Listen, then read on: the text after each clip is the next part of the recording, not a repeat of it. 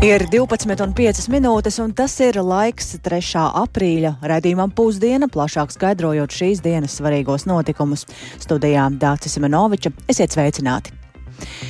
Daugavā ūdens līmenis turpina lēnām paaugstināties, bet nopietnas briesmas vēl nerada. Daugopilī gan joprojām ir spēkā dzeltenā brīdinājuma pakāpe, bet augšdaugavas novadā oranžā. Tiesa gan arī aktuālajā Latvijas valsts ceļu mājaslapas kartē ir redzams, ka šobrīd ir vairāki ceļi aplūdināti, tāpēc ir jāizvēlas apbraucamais ceļš, tāpat arī zem ūdens atrodas desmitiem hektāru zemes un desmitiem mājasēmniecību nav piekļuvis pa sauszemi. Un um, atgādināšu arī, ka augšdaugavas novada doma vērsās pie valdības, lai tā vairākos palus kārtējos pagastos izsludinātu ārkārtējo situāciju un līdzīgs lēmums lēmums ir pieņemts arī Daugopilī. Un arī atbildīgie dienesti uzsver, ka strauja ūdens līmeņa paaugstināšanās upēs ir bīstama cilvēkiem un apdraud arī saimniecisko darbību un pašvaldības infrastruktūru. Lai noskaidrotu, kāda tad situācija šobrīd ir Daugopils un Augšdaugavas pašvaldībās, esam sazinājušies ar kolēģi Silviju Smagari. Sveika, Silvija!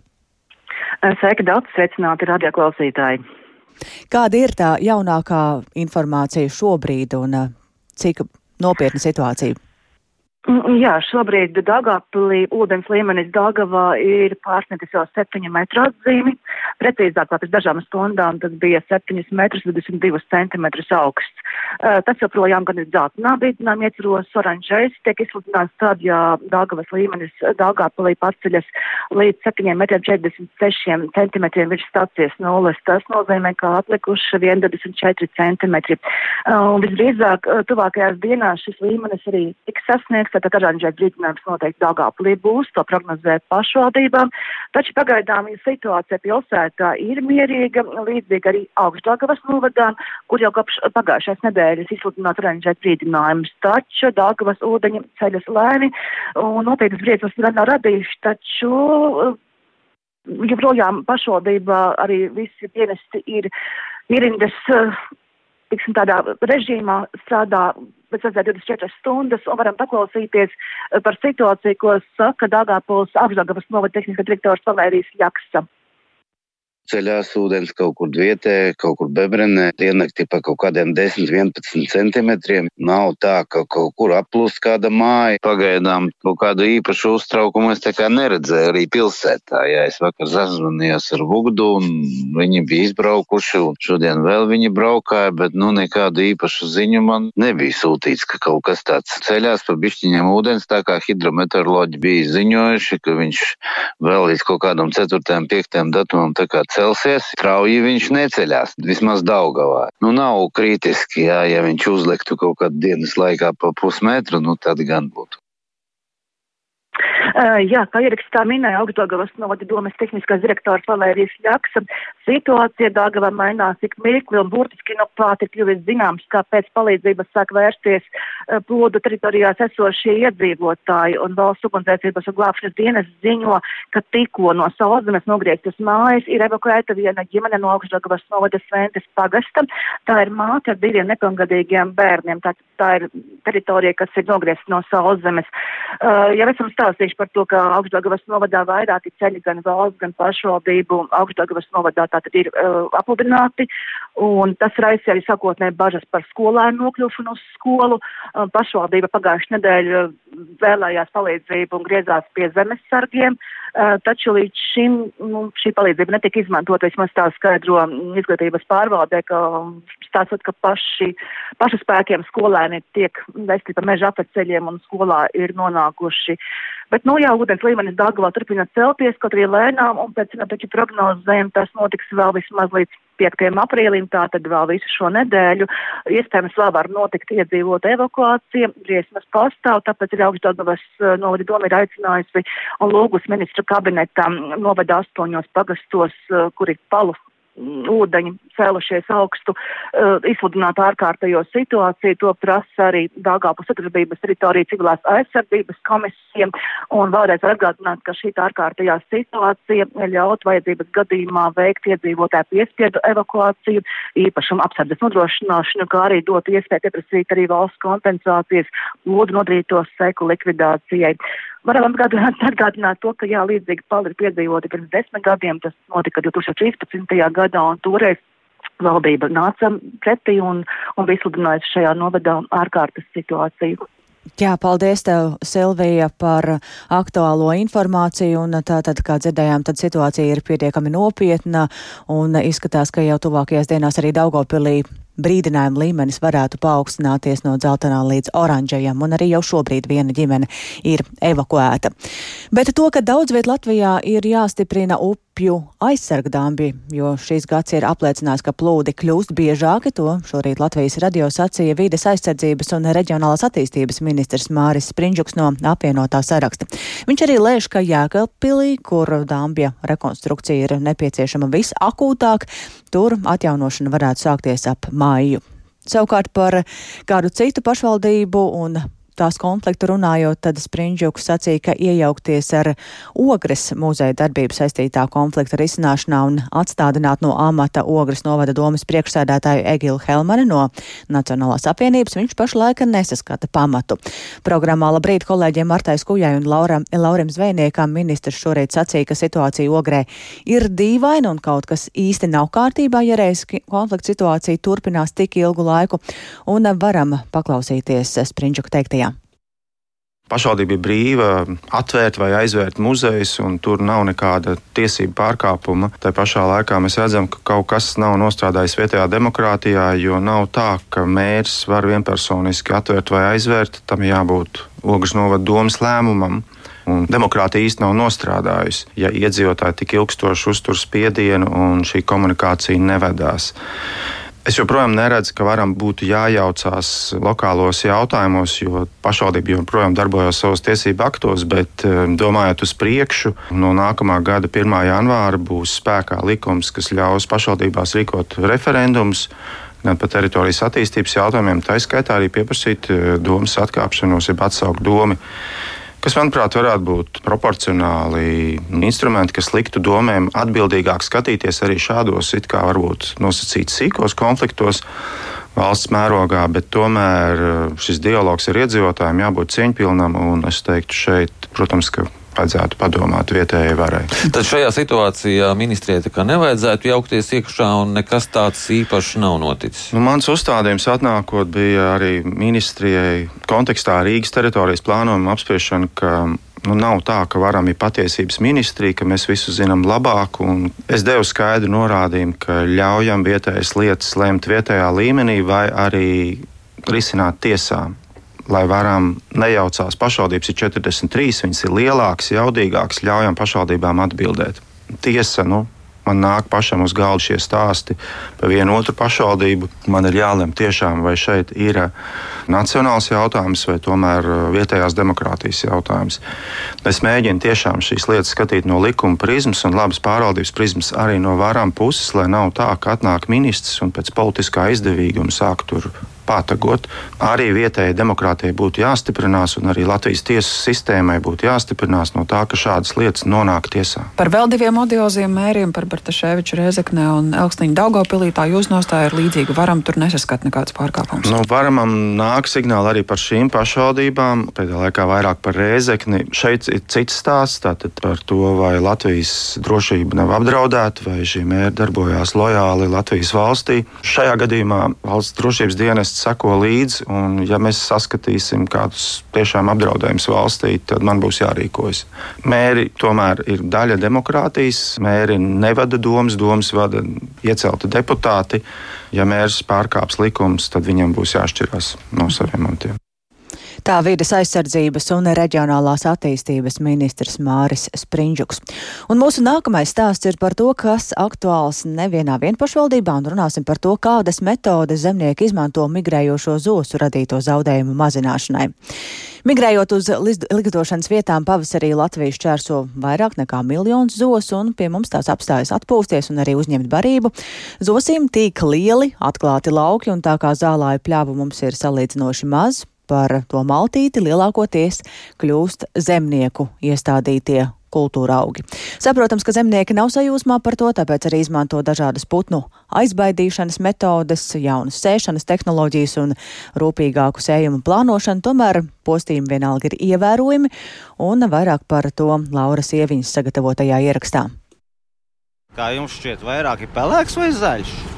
Iesim, pamodināsim viņus. Braucot mašīnā, agrofirmas Viļāni vadītājs Satis Brants rāda uz šosejas malā esošu ziemas kviešu lauku, uz kura nosēdies zosu bars. Rekuņi aizlidoja, tie jau vairs nav mūsu lauki pie kaimiņiem. Lauks atrodas netālu no Viļāniem Rezeknes novadā. Atis Brants novērojis, ka jau vairākas dienas uz tā ganās zosis, kas ēd zaļos asniņus. Nu, nekas jau tāds vizuāli pagaidām īpaši nav. Ir jau rekti, jā, asni aplasīti, jā. bet ja viņi dzīvos šeit nedēļu, nu, tad būs līdz zemei. Līdz ar to visu auga attīstību nākamā raža ļoti spēcīgi ir ietekmēta. Agrofirma Viļāni apsaimnieko aptuveni pusotru tūkstoti hektāru zemes.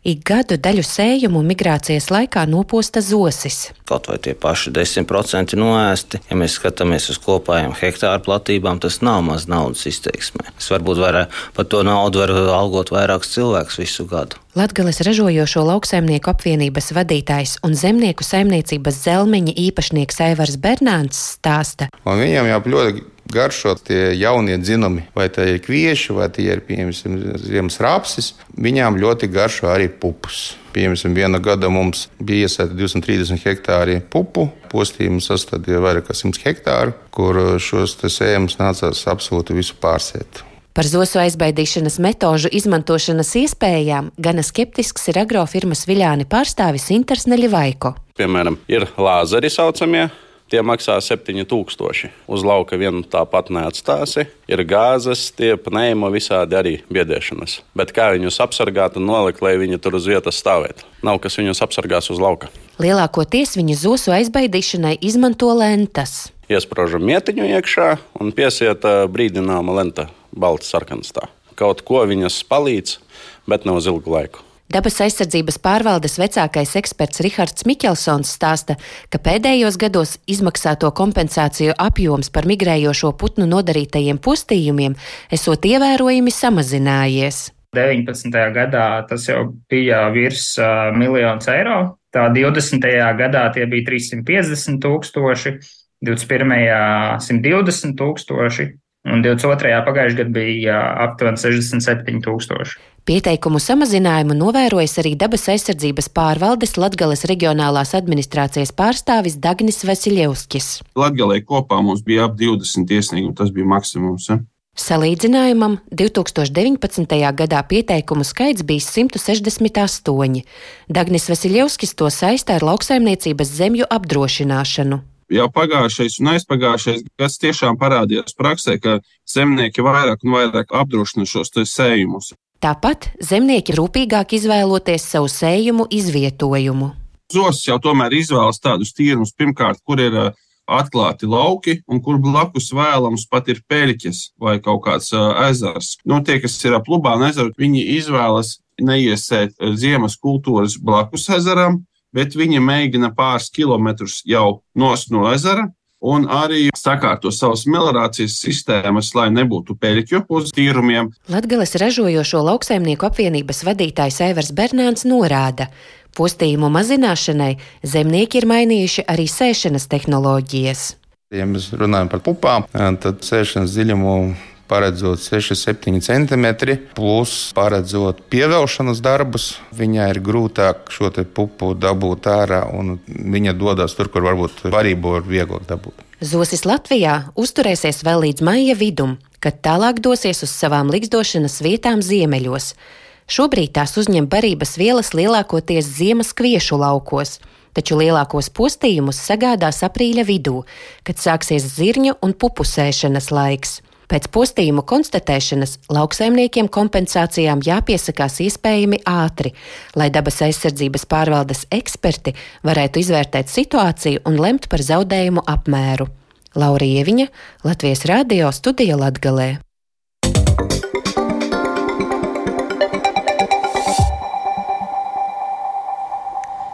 Somijam priekšā ir sarežģīts koalīcijas veidošanas process, jo Nacionālās koalīcijas partijai, kad, kam tagad pēc uzvaras svētdienas Somijas parlamenta vēlēšanās ir jāuzņemas nākamās valdības veidošana, ir daudz atšķirīgu viedokļu gan ar Somu partiju, gan arī sociāldemokrātiem. Atgādināšu, ka Somijā vēlēšanās uzvarēja opozīcijā esošā konservatīvā Nacionālās koalīcijas partija, otrajā vietā ierindojās eiroskeptiskā Somu partija, bet sociāldemokrāti ir palikuši trešie, kas nozīmē, ka pašreizējai premjerai Sannai Marinai amats būs jāatstāj, un plašāk par to Rihards Plūme. Pirms vēlēšanām veiktās sabiedriskās domas aptaujas ir izrādījušās diezgan precīzas, jo Nacionālās koalīcijas partijai, Somu partijai un sociāldemokrātiem vēlēšanās tika prognozēta tieši šāda secība. Un arī vēlētāju atbalsta atšķirības partijām izrādījās visai nelielas. Līdz ar to vēlēšanas bija interesantas. Ņemot vērā to, ka premjera amats tiek uzticēts partijai, kura vēlēšanās uzvar, varam droši teikt, ka premjere Sanna Marina savu amatu zaudēs. Tādēļ sociāldemokrātu nometnē sajūsma nebija liela. Tomēr arī nevarētu teikt, ka būtu manāma liela nolemtība, jo vietu skaits parlamentā partijai būs pat lielāks.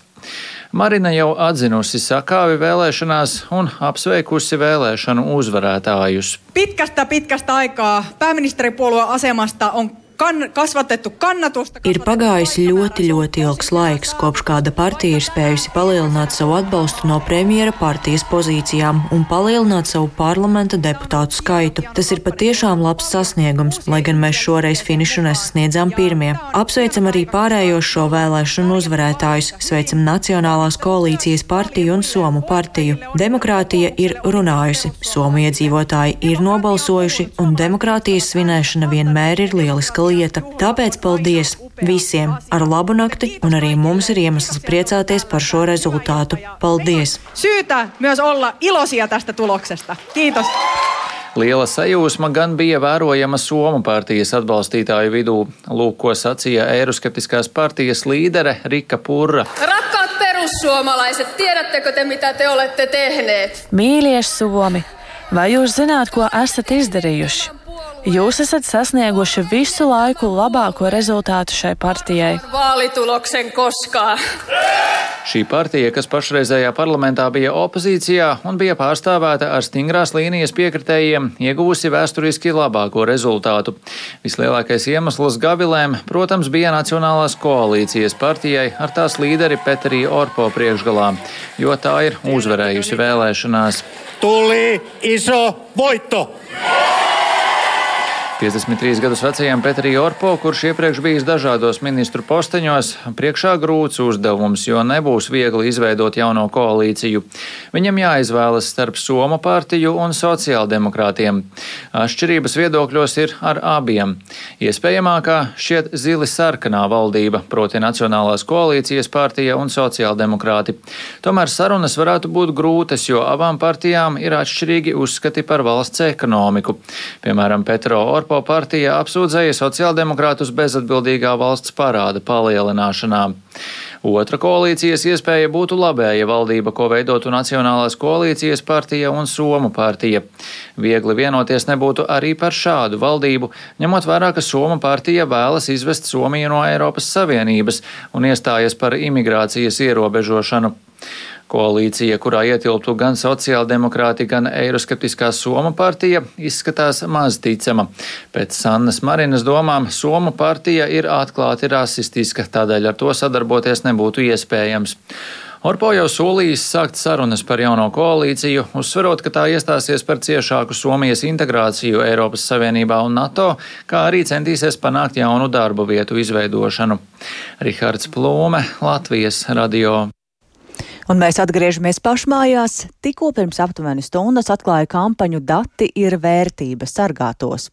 Ar to datu valsts inspekcija vēlas veicināt sabiedrības informētību par to, kā aizsargāt personas datus un mudināt uzņēmējus klientu datus apstrādāt atbildīgi, jo šādam uzņēmējam ne tikai vairāk uzticas, bet arī tas sekmē biznesa attīstību kopumā. Šobrīd varam paklausīties Datu valsts inspekcijas direktoras Iekaterīnas Macukas teikto kolēģiem Laurim Zvejniekam un Artais Kujai par to, kāda tad šobrīd ir situācija šajā jomā. pirms pieciem gadiem, kad datu regula stājās spēkā, visi bija tādi ļoti uzmanīgi ar to visu, bet paiet pieciem gadiem parādījās cits prioritātes, un tad mēs arī redzam, ka uzņēmēji saka mazāk uzmanības pievērst vispār datu aizsardzībai. Vislielākoties nozīmē to, ka viņi mazāk pievērš uzmanību savām privātuma politikām, lai izstāstītu saviem klientiem, ko viņi dara ar datiem. Otrām kārtām, ko mēs novērojam diezgan bieži, tiek prasīt vairāk datu nekā ir nepieciešams uzņēmējiem, un tajā brīdī, kad tiek uzsākta pārbaude, un mēs kā inspekcija prasam, kāpēc jūs prasat šos datus, bieži vien uzņēmēji vai nu nespēja paskaidrot, vai diemžēl tā datu prasīšanas pamats nav atbilstošs. Un paši klienti, mēs esam informēti par to, kādas ir mūsu tiesības. Tā ir arī daļa no privātuma politikas, tāpēc privātuma politika ir jāatrunā, ko pārzemes šajā gadījumā komersants dara ar cilvēku datiem un kur cilvēks var vērsties vai ko cilvēks var darīt, ja viņu kaut kas neapmierina.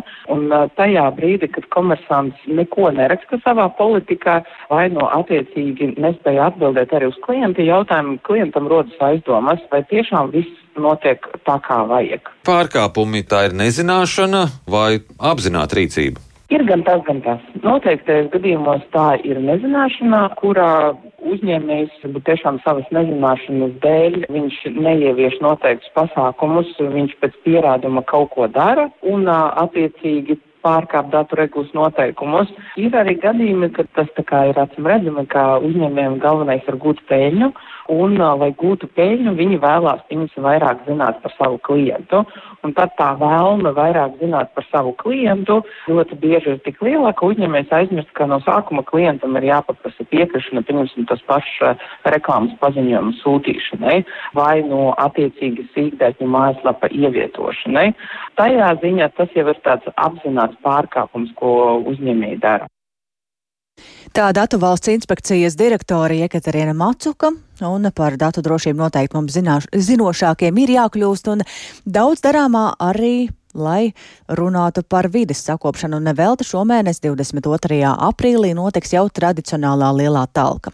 Jaunums ir tas, ka šogad tajā iesaistīsies arī ārvalstu pārstāvniecības mūsu valstī, un tāpēc man šobrīd arī telefoniski pievienojas lielās talkas vadītāja Vita Jaunzeme. Labdien! Labdien! Šis ir 16. gads Latvijā, kopš notiek lielā talka, ar ko šogad tā būs varbūt citādāka, īpašāka nekā citus gadus. Nu, mēs jau cenšamies visu laiku ar kaut ko papildināt, bet uh, mainās tēmas. Šogad mēs visu gadu iesim zem zaļā kursa, uh, kas paredz dažas dažādas tēmas, arī pilsoniskā aktivitāte. Uh, vidas jautājuma lieta. un es domāju, ka tālka ļoti atbilst šai te pilsoniskajai aktivitātei, pilsoņu iesaistīšanai. Uh, kas attiec pa tādiem jaunumiem, kas šobrīd ir. Tātad 22 šobrīd vēstniecības apvienosies kopā vienā kopīgā talkošanā, vienā talkā, kas, manuprāt, ir diezgan tāds nebijis gadījums. Es, es neesmu dzirdējis, ka kaut kas tāds notiktu citās pasaules valstīs, nu, tur, kur vispār šīs talkas tiek organizētas, un tās 191 valsts. Tā kā es domāju, tas ir diezgan tāds rādītājs, uh, cik lielā mērā talka, mēs kā talka esam spējuši piesaistīt arī šos te, nu, ārvalstu pilsoņus. Viņi šeit dzīvo, viņi šeit strādā un viņi piedalās, lai uzlabotu mūsu kopēju apkārtējo vidas. Es uzskatu, ka tas ir tāds liels, liels tāds jaunums un labs jaunums. Viņi talkos tādā vienā konkrētā vietā visi vai, vai katrs savu teritoriju? Uh, nē, nē, uh, ik pa laikam ar iepriekšējos gadus savu teritoriju kaut kur kādu individuālu vēstniecība ir piedalījusies. Tas tā šobrīd, kad būs viena kopīga vieta, kur visi apvienosies un visi kopā tātad ies sakot vienu nu, Latvijas teritoriju. Jā, par to kopējo dalībnieku skaitu, kāda ir tās jūsu sajūta, vai dalībnieku skaits palielinās, vai tomēr ir tāds nostabilizējies jau? Nu, man jāsaka tā, es prognozes nekad neizsaku. Mums ir tāds stabils 140, 160 tūkstoši. Tas ir tāds šajā diapazonā, nu, mēs tā kā pēdējos gadus tā skaisti iekļāvāmies. Man gan jāsaka tā, ka šogad man ir grūti pateikt, kāpēc ir ļoti ātri sākusies pieteikšana. Nu, ja pastāv kartē mājaslapā talks.lv, kur ir nu, šobrīd jau pieregistrētās un mums katru dienu ēpasti ir pilni ar pieteiktajām, kuras tālāk iziet šo procedūru, ka pieregistrē. Aktivitāte ir milzīga, tā kā man ir grūti pateikt par cilvēkiem. Mēs precīzi varēsim pateikt par šīm pieteiktajām un pieregistrētajām talkošanas vietām, kas būs ļoti precīzi cipars par cilvēkiem. Nu, Nu, tad jau redzēs. Paldies, paldies par šo ieskatu. Mēs sarunājamies ar Lielās talkas vadītāju Vitu Jaunzemi, un ar to arī izskan raidījums pusdiena. Producente Ilza Agīnta ierakstus montēja Renāša Steimanis par labskaņu rūpējās Jāna Dreimena un ar jums sarunājās Dācis Semenovičs.